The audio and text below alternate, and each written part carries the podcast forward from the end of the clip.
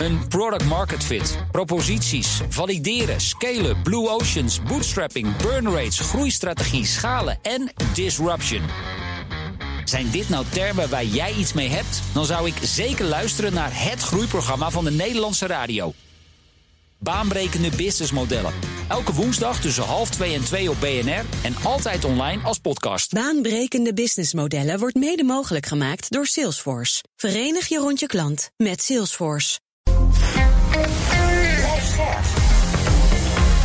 BNR Nieuwsradio. The Big Five.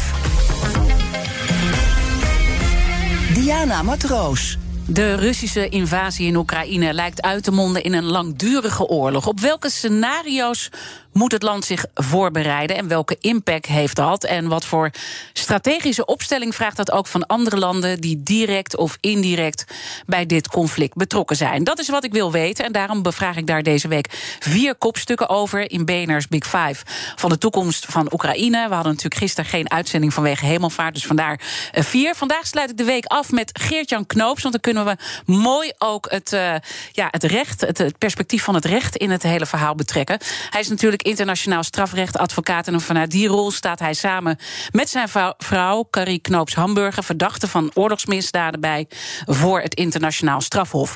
Maar daarnaast wordt hij ook geregeld door wereldleiders geconsulteerd als het om het oorlogsrecht gaat. Van harte welkom uh, weer terug in deze show. Goedemorgen, graag gedaan. Uh, voordat ik het uh, ga hebben met jou, en we tutoyeren ja. weer zoals uh, gebruikelijk, hebben we eerder gedaan. voordat ik het met jou ga hebben over dat onderzoek wat gedaan mm -hmm. gaat worden in Oekraïne naar oorlogsmisdaden, wil ik twee dingen van je weten. Het eerste is, je staat verdachte bij van oorlogsmisdaden. Dat doe je al heel erg lang. Wat is jouw drijfveer om dat elke keer te doen, aan de kant van de verdachte staan?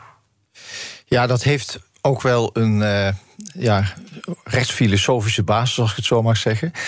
Uh, omdat het internationaal strafrecht niet kan functioneren zonder de aanwezigheid van advocaten die verdachten bijstaan. En dat komt eigenlijk weer voort uit het feit dat ik in 1999, toen ik werd gevraagd voor een zaak bij het Rwanda-tribunaal om daar een verdachte bij te staan, dat was een uh, bisschop van de Anglikaanse gemeenschap. Die werd verdacht van betrokkenheid bij de genocide in 1994 in Rwanda. Uh, dus dat was een vrij eervolle uh, ja, opdracht die ik kreeg van ja. het Rwanda-tribunaal. Toen ben ik naar mijn schoonvader gegaan, die zelf twee concentratiekampen in de Tweede Wereldoorlog heeft overleefd. Als, als neuroloog. Hij was uh, net voor de oorlog gepromoveerd in neurologie aan de UVA hier in Amsterdam. En ik stelde hem de vraag wat hij daarvan vond. Want hij was zelf slachtoffer van dit soort vreselijke misdrijven. Ja, lijkt me een heel moeilijke vraag om ook te stellen. Dat was een moeilijke vraag, maar ik vond het wel belangrijk. Want ik had enorm respect en nog steeds voor hem. Want hij leeft nog steeds uh, in mij voort. En toen heb ik hem die vraag gesteld. Toen zei hij, waarom vraag je me dit eigenlijk? Want het antwoord weet je al. Juist advocaten zoals jij zijn nodig bij dit soort internationale tribunalen. Want ik heb ervaren om in een rechteloze omgeving te zijn, waar eigenlijk een staat van anarchie bestaat. Ik heb gezien wat het doet als er geen recht is. Dus juist advocaten moeten er zijn om te zorgen dat het internationaal strafrecht kan functioneren. Ook als het gaat om de meest vreselijke verdenkingen als genocide, misdrijven tegen de menselijkheid, oorlogsmisdrijven, waar ik dagelijks in mijn werk mee te maken heb bij het internationaal strafhof. En, en die, dat gesprek met hem in 1999 heeft mij eigenlijk over de streep getrokken. Om het wel te doen. Om het te ja. gaan doen. En toen ben ik vanaf dat moment heb ik met Carrie, mijn vrouw, hebben we heel veel zaken gedaan bij het Rwanda-tribunaal, het Joegoslavië-tribunaal, het oorlogstribunaal in Sierra Leone in West-Afrika. We zijn in Cambodja geweest. We hebben daar advocaten opgeleid voor, die voor het Cambodja-tribunaal zouden gaan optreden. Daar waren we ook voor gevraagd. Alleen... Dus dat is echt een hele duidelijke lijn om altijd dus ja. aan de kant van die verdachte ja. te staan. En uh, nu dus de tweede zaak bij het internationaal strafhof. Hè, dus ja. al die andere tribunalen, uh, die heb je al beschreven. En dat is het tweede wat ik van je wil weten. Want in ons vorige gesprek noemde je het internationaal strafhof een tandeloze tijger. Uh, dat is natuurlijk ook in verband met Oekraïne nu belangrijk om te benoemen. Hoe gaat het met die tijger? Nou, de tijger uh, lijkt zijn melktandjes te gaan wisselen voor wat meer volwassen tanden, als ik in die beeldspraak mag blijven. Het, het cynische van de hele Oekraïne-oorlog is wel dat het internationaal strafhof, dat in juli van dit jaar 20 jaar bestaat, eigenlijk tot voor de oorlog in de Oekraïne uitbrak, een redelijk anoniem bestaan had. Weinig mensen wisten wat het strafhof deed. Als je keek naar de track record, hè, dus de, wat het strafhof aan zaken heeft behandeld, dan viel dat reuze tegen. Het waren voornamelijk een aantal militair en politiek leiders uit Afrika. Er is heel veel kritiek op dat strafhof geweest dat het juist de zwakkere landen in de wereld uh, deed onderzoeken. Maar door de Oekraïne-oorlog is dat strafhof in een enorme publiciteitshoos terechtgekomen. Uh, zelfs de Amerikanen, CNN spreekt over het strafhof. Amerika, Amerika is zeker niet een voorstander van een strafhof geweest tot dusverre. Maar je ziet dus nu dat door de oorlog in de Oekraïne de rol van het strafhof zichtbaarder is geworden. Strafhof... En eigenlijk de redding. Want als ik uh, terugkijk naar ons vorige gesprek, ja. vroeg je je af hoeveel bestaansrecht die tandeloze tuigen eigenlijk nog had. En dat is echt helemaal gekeerd. Dat lijkt nu te zijn gekeerd, met name ook omdat uh, maar liefst 41 landen uh, ook de Oekraïnse situatie naar het strafhof hebben verwezen. Dat is ook ongekend dat er zoveel landen in de wereld zijn, wel allemaal landen die het strafhof erkennen natuurlijk, die hebben gevraagd om een onderzoek door de hoofdaanklager van het strafhof. Er zijn nu ruim twintig landen die extra donaties hebben toegezegd, financieel aan de strafhof. En dat maakt ook dat het strafhof daardoor veel meer power kan ja. tentoonspreiden in dit onderzoek. Dus daarom zei ik al, de tandeloze tijger wordt nu toch een tijger die langzamerhand de melktanden gaat verwisselen voor volwassen tanden. In de zin van power en uh, enforcement. Dus het, het, het uitoefenen van uh, onderzoeksmogelijkheden. Ja. En we gaan zo meteen ook nog wel naar dat onderzoek kijken. Hè, hoe, hoe ze dat precies gaan doen en ja. hoe uh, complex dat is. Maar je loopt natuurlijk ook veel op dat internationaal strafhof rond. Hè. Nu vanwege mm -hmm. een tweede zaak die je daar behandelt. Proef je ook dat er een bepaalde spanning is bij dat strafhof? Want de hele wereld, ik bedoel, ze staan nu in de schijnwerpers. Ja. En dat is enerzijds goed, maar ook wel heel spannend lijkt me. Ja, dat is zeker zo. Als je de, de, de mensen spreekt bij het strafhof die bij dit onderzoek betrokken zijn, dan merk je inderdaad dat dit voor hen een heel belangrijk onderwerp is. Uh, u, je zei net al, Diana, het is het grootste onderzoek tot dusverre. Er zijn uh, 41 onderzoekers nu uh, van het strafhof naar de Oekraïne afgevaardigd, onder andere veel forensische experts. Er is enorme druk op het strafhof, niet alleen publicitair, maar ook van landen, omdat men resultaten wil snel in, die Oekraïnse, in dat Oekraïnse onderzoek. Uh, en dat betekent dat het strafhof niet, niet alleen volop in de schijnwerper staat van de internationale media. De hoofdaanklager van de strafhof, de heer Kaan, uh, wordt bijna dagelijks bestookt met interviewverzoeken. Hij is onlangs op CNN geweest, waarin een heel interview heeft gegeven. Dus internationaal komt dat strafhof nu veel sterk op de kaart staan. Maar dat levert tegelijkertijd ook een druk op de onderzoekers van de strafhof ja. op om tot resultaten te komen. En zo snel mogelijk. Want iedereen hoopt natuurlijk dat de strafhof snel bekend gaat maken of men mensen in staat van beschuldiging gaat stellen. En moeten we dan ook zo lezen dat Kaan zo snel naar Bucha is gegaan, waar dat enorme bloedbad heeft plaatsgevonden? Uh, ook om dat uit te stralen, die urgentie ook van de kant van het strafhof? Ja, dat zie je goed. Het is de eerste keer dat ik heb meegemaakt in die acht jaar dat ik bij strafhof werk, dat de hoofdaanklager zo snel naar een conflictgebied gaat waar, gaat, waar de oorlog nog uit uh, nog woedt en, en zijn gezicht laat zien. Hij is ook fysiek in dat gebied geweest, heeft met mensen gesproken, met burgers, met slachtoffers die het hebben overleefd. En in het zicht van de camera's. Dus ook juist om het strafhof zichtbaar te maken. Wij zijn hier om onderzoek te doen, onafhankelijk. En dat betekent ook dat het strafhof ja, in een hele nieuwe dimensie terecht ja. is gekomen. Uh, waarbij uh, het een steeds grotere rol is gaan spelen nu op dat wereldtoneel. En dat strafhof nu ook in dat wereldtoneel van die politieke krachten. Uh, een rol gaat spelen. Want dat strafhof is natuurlijk apolitiek. Althans, ja. dat pretendeert het te zijn. Ja. Kaan zegt ook steeds, de hoofdaanklager... wij kijken puur juridisch naar de vraag of er sprake is van oorlogsmisdrijven... maar je ziet wel dat de landen die dat strafhof erkennen... en die belang hebben bij het onderzoek... eigenlijk dat strafhof stimuleren... en dus uh, dat strafhof eigenlijk gebruiken in dat hele politieke spel tegen Rusland. Nou ja, zeker. We komen straks nog wel te spreken over een proxyoorlog. De beschuldigingen vanuit Rusland dat Amerika een proxyoorlog uh, voert. Uh, daar komen we straks wel op. Maar kunnen zij ook het, het, het, het strafhof eigenlijk gewoon in dat geopolitieke spel gaan gebruiken? Ze waren eerst niet geïnteresseerd, nu opeens mega. Hoe moeten we dat lezen? Ja, dat wordt indirect wel al gedaan. Kijk, op het moment dat jij voor dit Oekraïne-onderzoek heel veel geld gaat geven als landen, er zijn, wat ik net al zei, ruim twintig landen die extra donaties hebben gegeven. En zelfs Frankrijk heeft forensische experts ter beschikking gesteld om het strafhof te ondersteunen in de Oekraïne. Nederland heeft met een contingent marechaussee ambtenaren ook uh, die bijstand verleend om dat onderzoek te faciliteren in de Oekraïne door het internationaal strafhof dan leg je als het ware ook wel een politieke wissel op een strafhof. Je verwacht er natuurlijk wel iets voor terug. Dus subtiel wordt dat strafhof natuurlijk wel in dat hele geopolitieke krachtenspel om Rusland op de knieën te krijgen gebruikt. En dat is eh, best gevaarlijk ook, want in ons vorige gesprek wees je ook uh, erop dat eigenlijk uh, ja, oorlog ook steeds politieker wordt ingezet via de verschillende, eh, ook via dat internationaal strafhof. En dit is dan eigenlijk weer een uitvergroting daarvan. Het, het lijkt me ook gevaarlijk. Het is gevaarlijk, maar het is eigenlijk ook onvermijdelijk. Want het strafhof zegt natuurlijk altijd naar buiten toe: wij kijken alleen juridisch naar de vraag: is er sprake van een internationaal misdrijf? En wie is daarvoor verantwoordelijk? Maar het strafhof heeft natuurlijk wel een. Uh, moet natuurlijk op een gegeven moment een keuze maken welke zaken gaat men onderzoeken, welke niet. Dat daar zitten ook zeker politieke aspecten aan.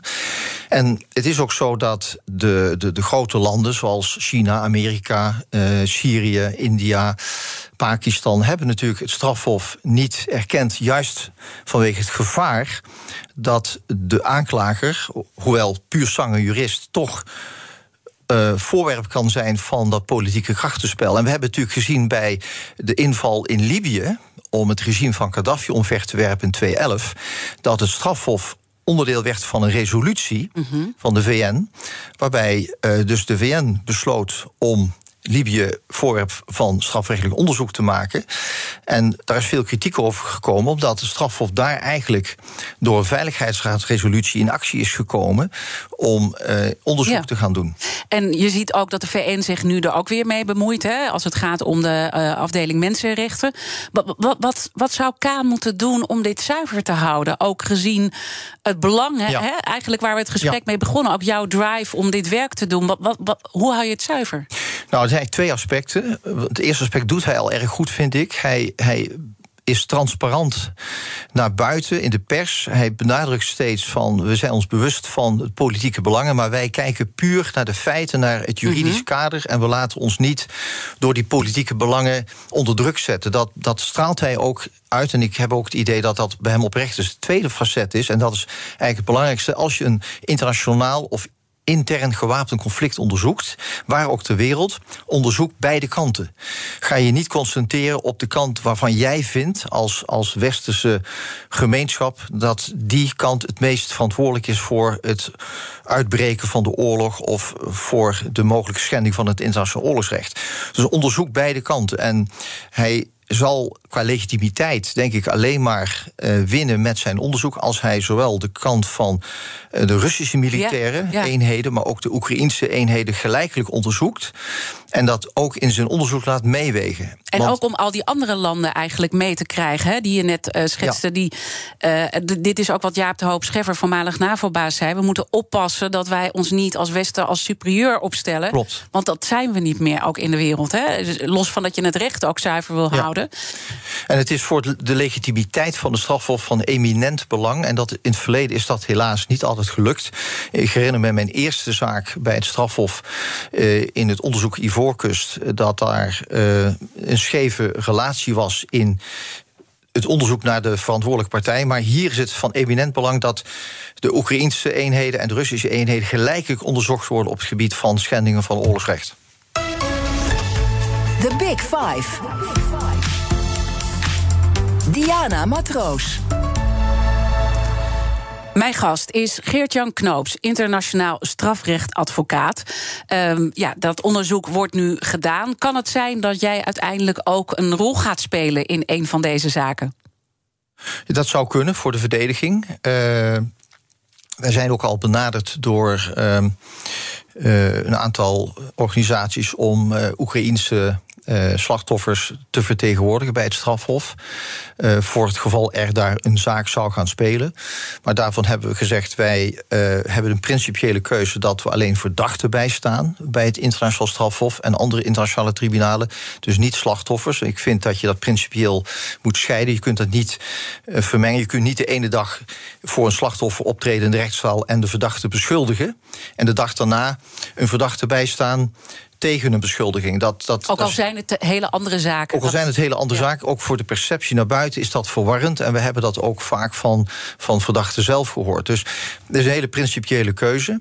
Het zou kunnen dat, stel hypothetisch, dat uh, de Oekraïnse situatie inderdaad wordt getransformeerd in een echt strafrechtelijk onderzoek dat uitmondt in een proces bij het strafhof. Uh, tegen uh, Oekraïnse militairen of Russische militairen. Want ik zei net al voor uh, de break, je moet dat gelijkelijk onderzoeken ja, en ook ja om die legitimiteit te bewaren, moet je die gelijkelijk dan in dat geval vervolgen. Zouden we voor een van dat soort verdachten kunnen optreden? Dat ja. zou kunnen. En dan gaan jullie natuurlijk ook heel goed kijken naar hoe het onderzoek uh, gedaan ja. is. Hè? Dat hoort daar ook bij. En laten we nu met elkaar ook kijken uh, ja, hoe dat onderzoek wordt gedaan. Allereerst, het gaat om 13.000 uh, zaken volgens de Oekraïense aanklager. Dus dat is nog maar die ene ja. kant. Hè? waarin mogelijk oorlogsmisdaden hebben plaatsgevonden. Hoe complex en gevaarlijk ook is dat om te onderzoeken? Er zijn ook Nederlanders bij betrokken, overigens, die bij MH17 heel veel expertise ja. hebben opgedaan. Ja, kijk, de grootste uitdaging voor het internationaal strafhof zal zijn om het onderzoek dat de Oekraïense autoriteiten hebben gedaan, te stroomlijnen met het eigen onderzoek van de strafhof. Want wat je wil voorkomen is dat je eigen onderzoek besmet wordt door bijvoorbeeld een uh, niet deugdelijk uitgevoerd onderzoek door de Oekraïnse autoriteiten, die natuurlijk ook een bepaald belang hebben met uh, hun eigen onderzoek. Dus je moet die objectiviteit, onafhankelijkheid moet gewaarborgd zijn om te zorgen dat in de rechtszaal de advocaten van de verdediging niet, niet kunnen gaan zeggen: ja, dat hele onderzoek is gekleurd. De tweede uitdaging van strafhof is in die 13.000 zaken die er nu liggen bij de Oekraïense uh, aanklagers in Kiev. Daar kunnen zaken onder zitten die voor het strafhof interessant zijn. Want vergeet niet, het strafhof kan alleen die zaken behandelen. Uh, waar het gaat om de, de meest verantwoordelijke mensen. Dus een gewone soldaat, zoals die, die sergeant die onlangs levenslang heeft gehad van 21 jaar, die Russische militair. Ja, daar gaan we het zo meteen ook nog precies, over hebben. Of dat nou zo goed iemand, ja. Precies, zo iemand zal niet bij het strafhof terechtkomen, omdat dat gewoonweg niet een zaak is die voldoende ernst heeft in de zin van. Ze moeten positie. ook focussen. Hè? Dat, dat is natuurlijk ja, ook focussen. eerder wat je hebt aangegeven. Ja. van Die keuze is heel erg uh, belangrijk. Goed, dus, dus, dus die twee uh, dingen, dat zijn de uitdaging om het Ja. te shiften eigenlijk. Wat je, wat je pakt. En die twee kanten ook uh, mee te nemen. Toch moeten ze nu dat onderzoek doen terwijl die oorlog nog gaande is. Dat lijkt me ook ergens een, een, een gevaar. En ook wel moeilijk als het gaat om bewijs verzamelen. Hè? Want. want dat zijn ook wel belangrijke stappen die ze moeten nemen. Ja, dat, dat heeft twee kanten. Het voordeel, het, nade, het nadelige van, het, van, deze, uh, als, van dit onderwerp is wel dat je, wat je terecht zegt, uh, je ziet dus dat het veiligheids, excuus, het veiligheidsaspect ja, van. Een slokje. Ja, dank je. Het veiligheidsaspect van de onderzoekers is natuurlijk van groot belang. Ja, we schenken eventjes hier water in. Maar het heeft ook een voordeel. Alsjeblieft. Dankjewel. Het voordeel is dat hoe sneller je in het uh, gebied bent waar de potentiële misdrijven zijn gepleegd, Mhm. mm -hmm. heb je natuurlijk de kans dat je het bewijs als meest authentiek kunt achterhalen. Ja, en ik begrijp ook dat jij heel veel andere zaken hebt gedaan waar dat niet zo uh, was. En dan wordt het natuurlijk allemaal veel moeilijker. Hè? veel moeilijker. En ook het geheugen van getuigen. Hè? Als jij vijf jaar na dato naar dat gebied gaat, als de oorlog daar gestopt is. Je spreekt met getuigen, dan zal de herinnering van de getuigen natuurlijk veel minder accuraat zijn. Het voordeel is dat dat team van de strafhof daar is zo snel. En nog tijdens de oorlog is dat men eigenlijk zelf direct dingen kan waarnemen. Men kan bewijsmateriaal veiligstellen dat nog vrij authentiek is, waar nog weinig mee kan zijn gebeurd. Kijk, een kogel die men vijf jaar later vindt, daar kun je je alles bij voorstellen dat, daar wat, ja. dat daarmee is gemanipuleerd. Maar hoe sneller je bent, hoe. Een projectiel dat je nu aantreft in een muur, dat kun je uh, inderdaad vrij snel relateren aan een bepaalde militaire operatie. Ehm, en daarnaast is het natuurlijk zo dat je ehm, de beelden die je hebt, satellietbeelden of beelden van journalisten of burgers, die kun je direct verifiëren ter plaatse of die beelden authentiek zijn. Dus ik denk dat in dit geval het feit dat je zo snel in dat gebied bent, ondanks alle gevaren, een voordeel oplevert voor de uh, volledigheid en onafhankelijkheid van het onderzoek. Nou wordt er uh, intussen ook uh, gesuggereerd, zijn er geruchten dat er ook bewijsmateriaal ja, verloren gaat. Ja. En dat dat natuurlijk bewust wordt weggemaakt. Hoe, hoe moeten we daarnaar kijken naar deze geruchten? Nou, die moet je wel serieus nemen. Want we hebben zelf in onze zaken bij het strafhof te dusverre meegemaakt dat beelden die door een getuige werden geproduceerd, of Facebook-berichten of uh, satellietopnames, dat die niet altijd direct konden worden gerelateerd aan een bepaald delict. Uh, je kunt natuurlijk foto's manipuleren. En er zijn in het verleden ook voorbeelden van gegeven. We hebben nu natuurlijk het fenomeen van de deepfake ja. uh, fotografie. Dus die aanklager moet eigenlijk uitsluiten dat uh, beeldmateriaal wat hij ter beschikking krijgt niet kan zijn gemanipuleerd. En daarom is het goed dat er nu zoveel forensische experts meteen met het onderzoeksteam zijn meegegaan naar de Oekraïne om dat allemaal te verifiëren.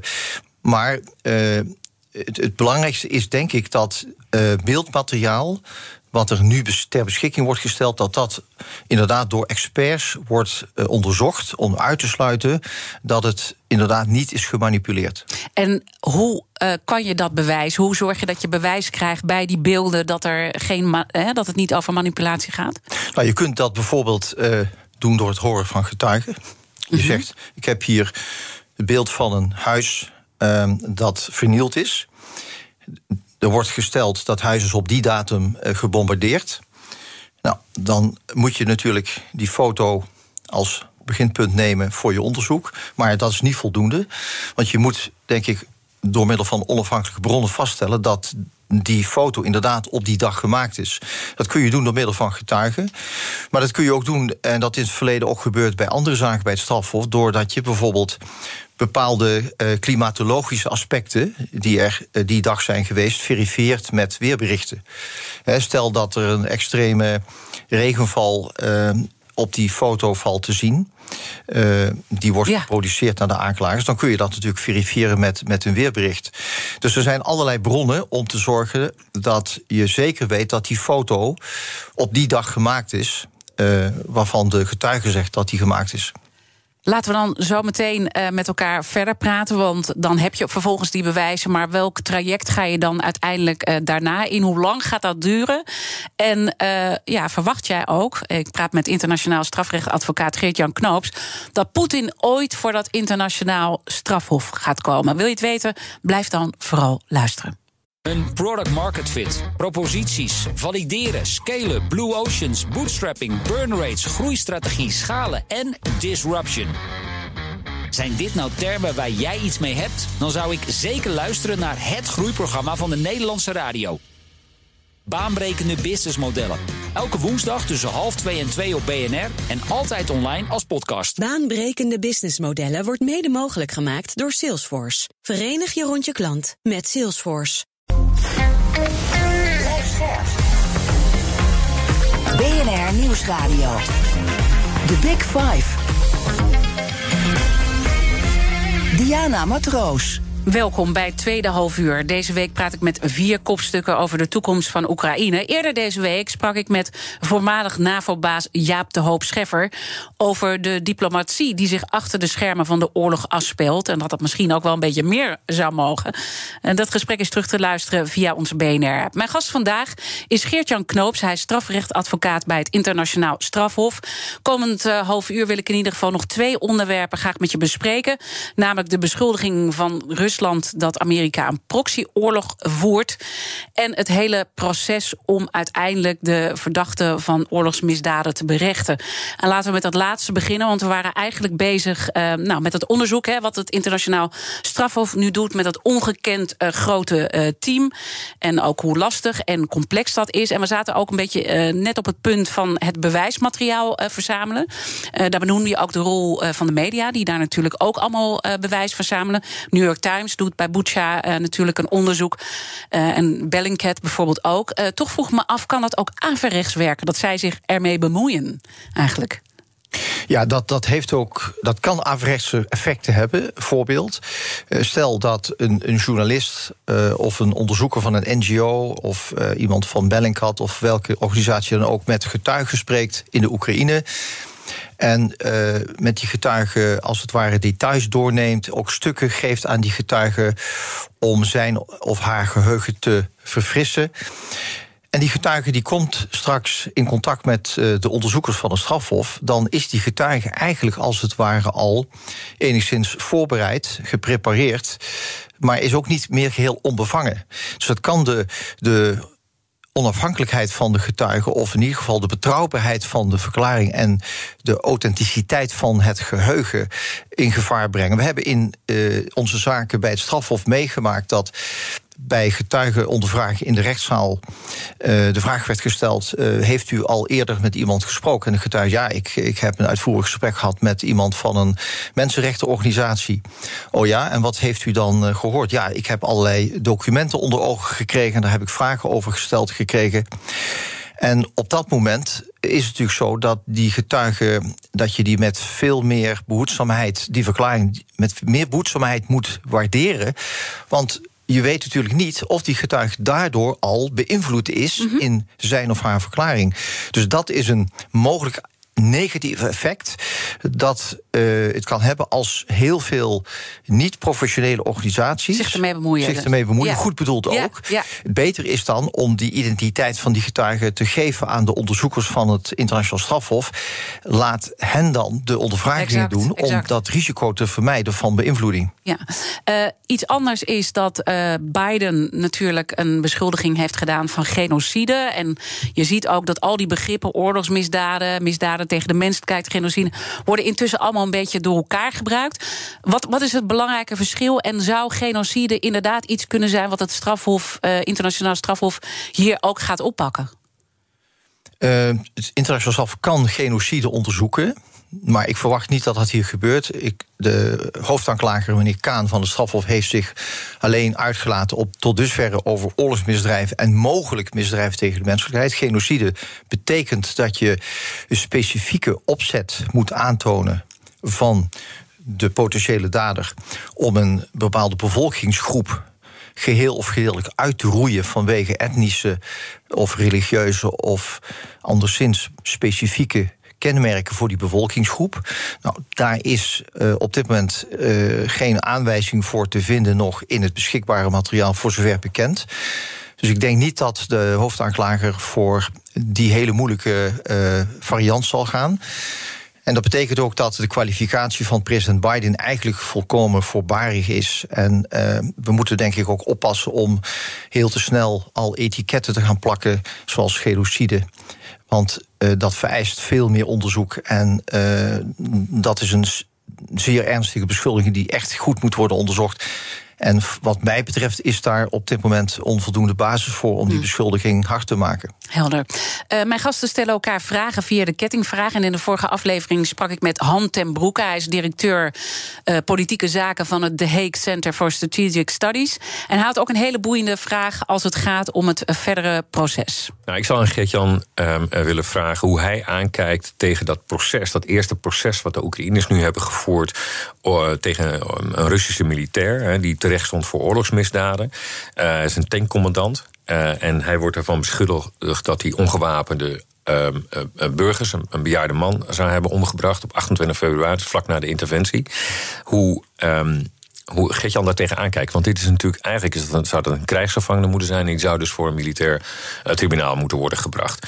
En omgekeerd, als hij die vraag heeft beantwoord, hoort daar ook bij het spiegelbeeld wat er dan moet gebeuren met de krijgsgevangenen die door Rusland zijn gemaakt. Bijvoorbeeld in Mariupol, het beroemde, beruchte moet ik ondertussen zeggen, maar beroemd voor de Oekraïners, uh, uh, Azovstal-complex.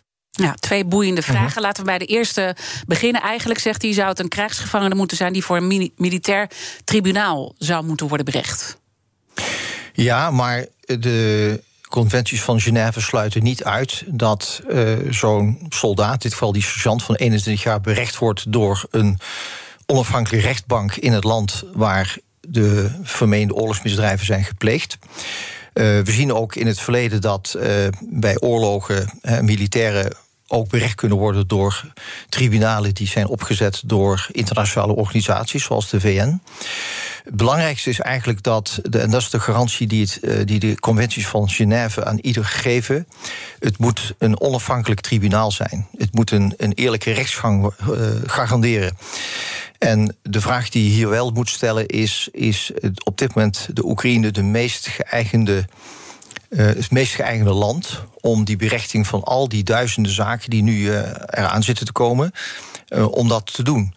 Um, in mijn visie zou het overweging verdienen om al die zaken te bundelen en voor te leggen aan een regionaal tribunaal. Dat niet alleen uit de Oekraïnse rechters bestaat, maar uit rechters ook uit andere landen, zodat er een mix ontstaat. Een gemengd tribunaal heet het dan. Waarbij de onafhankelijkheid optimaal kan worden gewaarborgd. Waarom zeg ik dat? Oekraïne heeft natuurlijk in het verleden te kampen gehad met uh, veel problemen binnen de rechtelijke organisatie. In 2012 heeft het Mensenrechtencomité daar nog kritiek op gegeven op uh, het feit dat het systeem blootstaat aan politieke beïnvloeding. Dus dit was nog voor de oorlog, hè? Ja, Zelensky heeft uh, hervormingen aangekondigd. Um, daarbij komt dat uh, het Oekraïnse rechtssysteem natuurlijk op de internationale uh, Rule of Law Index, zoals het heet, vrij laag scoort. Ze staan, geloof ik, 74 op de lijst van 139 landen, met een score van 0,5. Vergelijk dat met Nederland. Nederland staat op 6 met een score van 0,8. Dus daar moet je heel voorzichtig mee zijn. De, een van de rechters van het Oekraïense Hoge Rechtshof heeft zelf nu de wapens opgepakt en strijdt mee aan het front. Ja, ja. En dat is natuurlijk een heel opmerkelijk iets. Hè? Een rechter van de Hoge Raad die eh, gaat meevechten. Uh, dat, dat, dat, dat wil zeggen dat je, uh, om echt die onafhankelijkheid te bewaren, er misschien goed aan doet om omdat het nu gaat om 13.000 zaken die allemaal nu op een berechting wachten. Omdat. Uh, Via die onafhankelijke regio-tribunalen ja. eigenlijk te doen. Maar de vraag is: wil Rusland dan, die überhaupt nou ja, een strafhof natuurlijk niet uh, erkent, hè, dat, ja. dat weten. Maar zijn ze wel ontvankelijk dan uh, voor zo'n regionaal onafhankelijk tribunaal? Het zou kunnen, want kijk, omgekeerd heeft Rusland straks ook belang bij uh, het feit dat men de, en dat is het tweede deel van de vraag van ja. de heer Ten Broeke, uh, ook belang bij een berechting van de Oekraïense gevangenen. En dat betekent dat ook Rusland eigenlijk tegen hetzelfde probleem zal aanlopen. Internationaal rechtelijk gezien zal dan ook kritiek gaan ontstaan op de vraag: is Rusland wel het aangewezen land tot berechting? Dus er is misschien wel ergens een, een gemeenschappelijke noemer om zo'n regionaal tribunaal op te zetten. Het is destijds met de IS-strijders getracht. Hè. Toen heeft ja. de internationale gemeenschap dat uh, zo'n IS-tribunaal in de regio willen opzetten. Dat is toen niet gelukt. Maar in dit geval lijkt mij dat er veel meer steun zou moeten zijn voor zo'n regionaal tribunaal. Want u zei het terecht al, het strafhof kan dus niet al die zaken behandelen straks. Het gaat bij het strafhof straks om de meest verantwoordelijke politieke en militaire leiders van beide kanten. Uh, al die andere soldaten, zoals die sergeant die nu levenslang heeft gehad van 21 jaar, al die zaken, die moeten dus in beginsel door de nationale rechters worden behandeld van Rusland en de Oekraïne. En dan is het denk ik beter gelet op de hoeveelheid om dat dus onder te brengen in een regionaal tribunaal. -hmm dat ook de legitimiteit heeft en dat straks niet voorwerp van kritiek zal zijn, zoals de Oekraïnse rechtbank. Ja. Daar zijn nu al uh, vragen gesteld van ja, is die man niet te zwaar gestraft? Hoe kan het zijn dat hij levenslang krijgt voor. En dan kan je zo die hele zaak uiteindelijk onderuit ja. halen, natuurlijk. Hè? Dus dat, dat is eigenlijk een, een averechts effect. Uiteindelijk hoor je toch ook heel veel mensen uh, roepen, en uh, niet, dat zijn niet de minste. Bijvoorbeeld ook de voormalige hoofdaanklager uh, van het Joegoslavië-tribunaal, Carla de Ponte.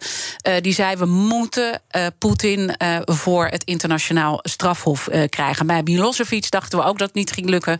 dat is gelukt. We moeten dat bij Poetin ook doen. Hoe kijk jij naar die discussie die zich ook daarover plaatsvindt? Nou ja, op de eerste plaats moet dat natuurlijk niet uh, gebeuren alleen maar om politieke motieven, omdat we vinden dat iemand als Poetin verantwoording moet afleggen. Er moet ook echt een juridische basis zijn. En dat moet het onderzoek uitwijzen van de strafhof. Hè, want het is wel heel gemakkelijk om dat te zeggen.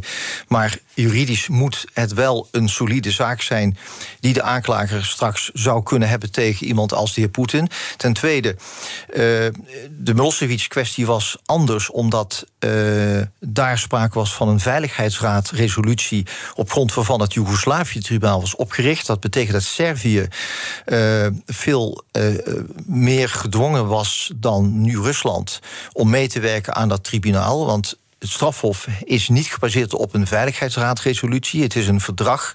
Dus alleen de landen die toestemming hebben gegeven in hebben gestemd met het strafhof, kunnen dus en moeten daaraan meewerken.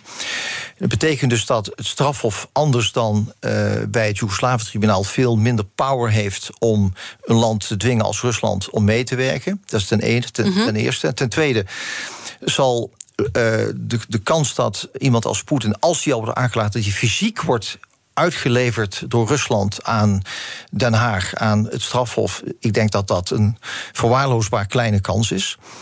Um, dus ik denk zelf, mijn inschatting is dat het maximale wat de hoofdaanklager hier zou kunnen doen, is dat het mogelijk, ik zeg mogelijk, internationale arrestatiebevelen worden uitgevaardigd tegen Russische militaire en politieke leiders en misschien uh, jegens heer Poetin. Uh, omdat daarvoor is de fysieke aanwezigheid van de verdachte niet vereist om dat arrestatie wel uit te vaardigen. Mm -hmm. Maar dat Poetin fysiek ooit in Den Haag zal terechtstaan, ja. die kans acht ik heel klein. Want je moet ook een erkende politiemacht hebben om hem daar uiteindelijk ja, weg te halen. Die punt. hebben we niet. Er is, er is geen politiemacht nee. die toestemming zal krijgen om in Rusland uh, Poetin dan te arresteren. Het strafhof heeft zo'n politiemacht niet. Uh, dus de kans dat uh, de heer Poetin, tenzij die Rusland verlaat en ergens in een land aankomt dat het strafhof erkent en er zou een arrestatiebevel liggen, dan kan hij natuurlijk wel worden uitgeleverd, mm -hmm. overgeleverd aan het uh, strafhof. Maar als hij in Rusland zou blijven en er zou een internationale arrestatiebevel tegen hem worden uitgevaardigd door het strafhof, uh, dan is er geen mogelijkheid ja. om hem te arresteren. Ja, en dan kan je hem eigenlijk alleen maar uh, isoleren. Maar even los daarvan is het natuurlijk ook heel moeilijk om te bewijzen uh, dat hij iets heeft opgedragen hè, uiteindelijk. Want uiteindelijk is het op de grond die klassieke oorlogsvoering ja. waarvan je maar moet afvragen uh, ja, wie heeft wat gedaan en wat besloten. Dat is heel moeilijk vast te stellen. Ja, de uitdaging voor de hoofdaanklager om een de hoogste politiek leider van een land zoals de heer Poetin te linken aan oorlogsmisdrijven die gepleegd zouden zijn op de grond, is inderdaad al die ketens en het bewijs dat hij geweten heeft, opdracht heeft gegeven en dat dingen uh, niet buiten zijn macht om zijn gebeurd. En dat bewijs moet echt geleverd worden. En dat kan niet op grond alleen maar van beelden en aannames die we nu hebben. Een product market fit, proposities, valideren, scalen, blue oceans, bootstrapping, burn rates, groeistrategie, schalen en disruption. Zijn dit nou termen waar jij iets mee hebt? Dan zou ik zeker luisteren naar het groeiprogramma van de Nederlandse radio. Baanbrekende businessmodellen. Elke woensdag tussen half twee en twee op BNR en altijd online als podcast. Baanbrekende businessmodellen wordt mede mogelijk gemaakt door Salesforce. Verenig je rond je klant met Salesforce. BNR Nieuwsradio. The Big Five. Diana Matroos. Je luistert naar BNR's Big Five van de toekomst van Oekraïne. Eerder deze week sprak ik met strategisch analist en voormalig luitenant-kolonel Patrick Bolder over de huidige status van de oorlog en welke fases hij hierna nog verwacht, de scenario's. Dat gesprek is terug te luisteren via bnr.nl. Mijn gast vandaag is Geert-Jan Knoops, advocaat bij het Internationaal Strafhof onder andere. En uh, ik noemde het net al eventjes, die proxyoorlog kwam al een paar keer uh, voorbij en ook eigenlijk dat het strafrecht steeds uh, geopolitieker wordt. Uh, laten we nu naar die proxyoorlog kijken. Want Rusland beschuldigt de Verenigde Staten ervan dat te voeren. Is het een terechte beschuldiging? Ik, als je, denk ik, uh, juridisch, maar ook feitelijk naar de situatie kijkt, mm -hmm. denk ik dat je kunt stellen dat uh, er sprake is van zo'n proxyoorlog. Omdat het enige verschil is dat er geen troepen van Amerikanen op de grond zijn die de wapens bedienen.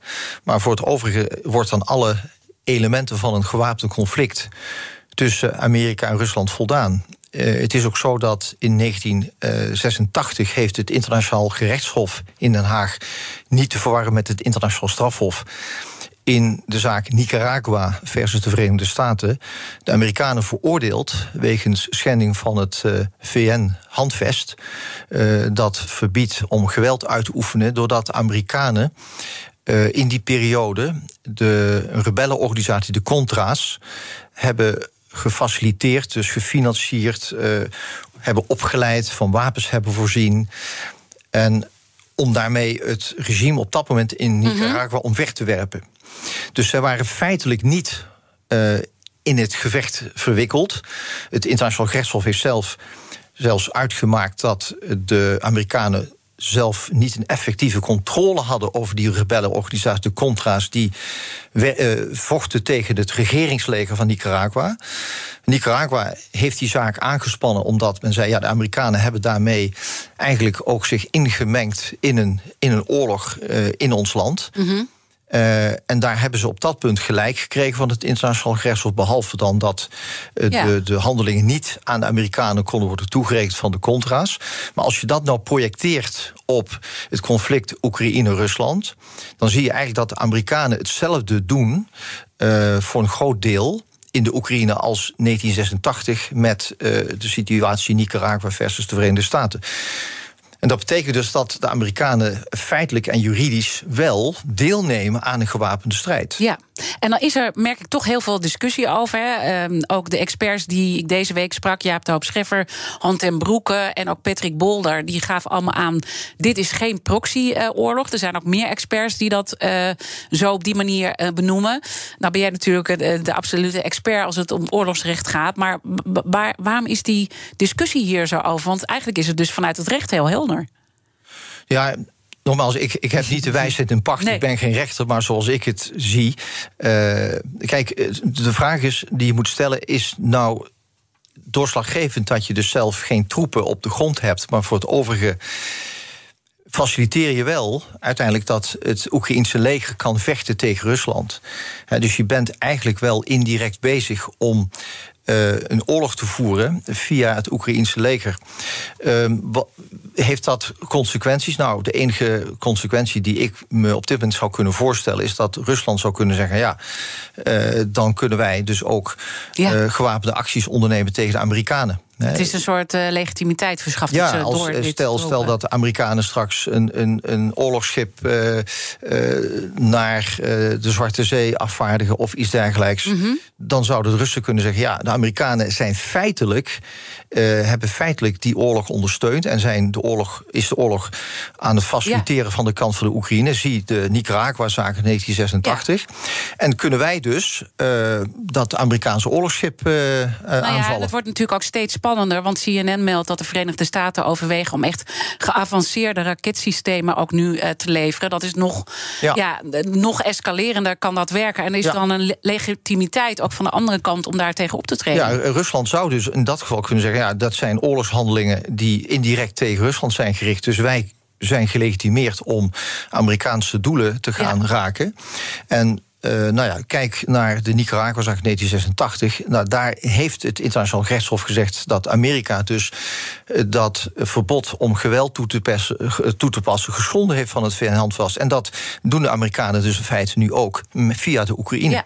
Ja uh, iets anders is dat dit ook symbool staat. En daar begonnen we ook een beetje ons gesprek mee. Dat grootmachten zich steeds vaker in het geheim uh, bemoeien met allerlei conflicten en burgeroorlogen. Nou, dit gaat dan wel wat openlijker hè, met, het, ja. met het leveren uh, van wapens. Um, wat zegt het jou dat de, die westerse grootmachten zich daar op deze manier mee bemoeien en, en dus zo'n proxyoorlog toch voeren?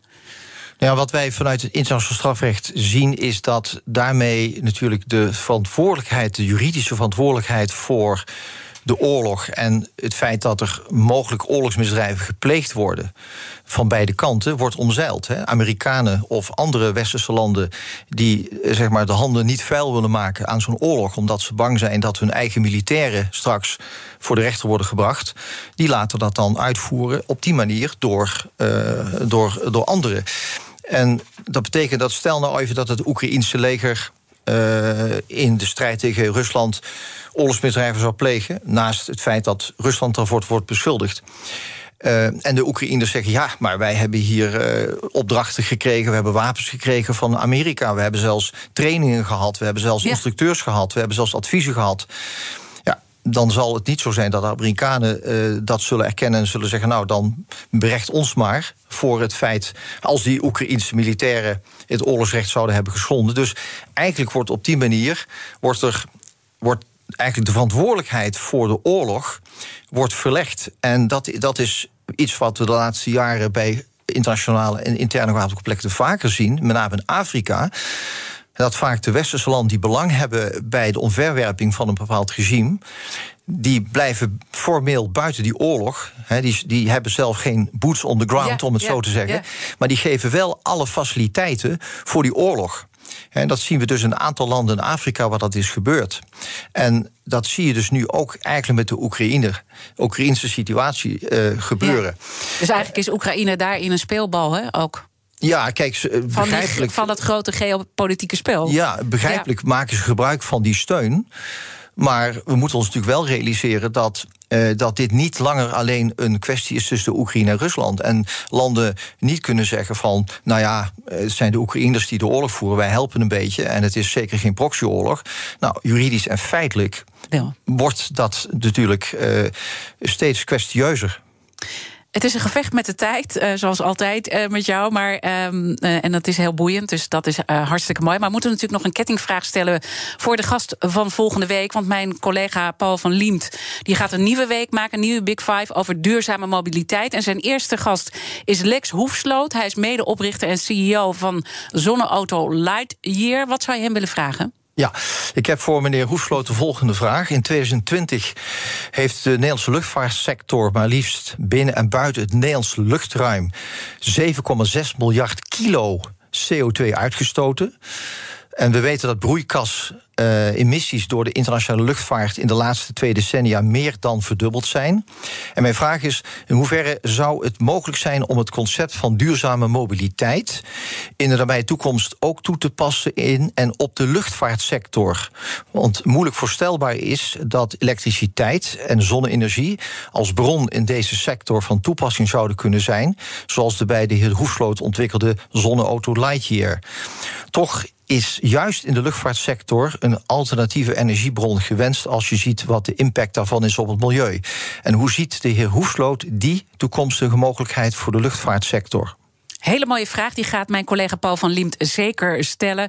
Een dank Geert-Jan Knoops weer uh, voor je komst. Internationaal strafrechtadvocaat en nu met zijn tweede zaak bij het internationaal strafhof bezig. En ja, wie weet uh, ook in uh, de Oekraïne mogelijk nog een rol in de toekomst. Ik praat graag verder, want we waren nog niet klaar. Ehm, alle afleveringen van BNR's Big Five zijn natuurlijk terug te luisteren. Abonneer je op onze podcast via onze app of je favoriete podcastkanaal, want dan mis je geen aflevering.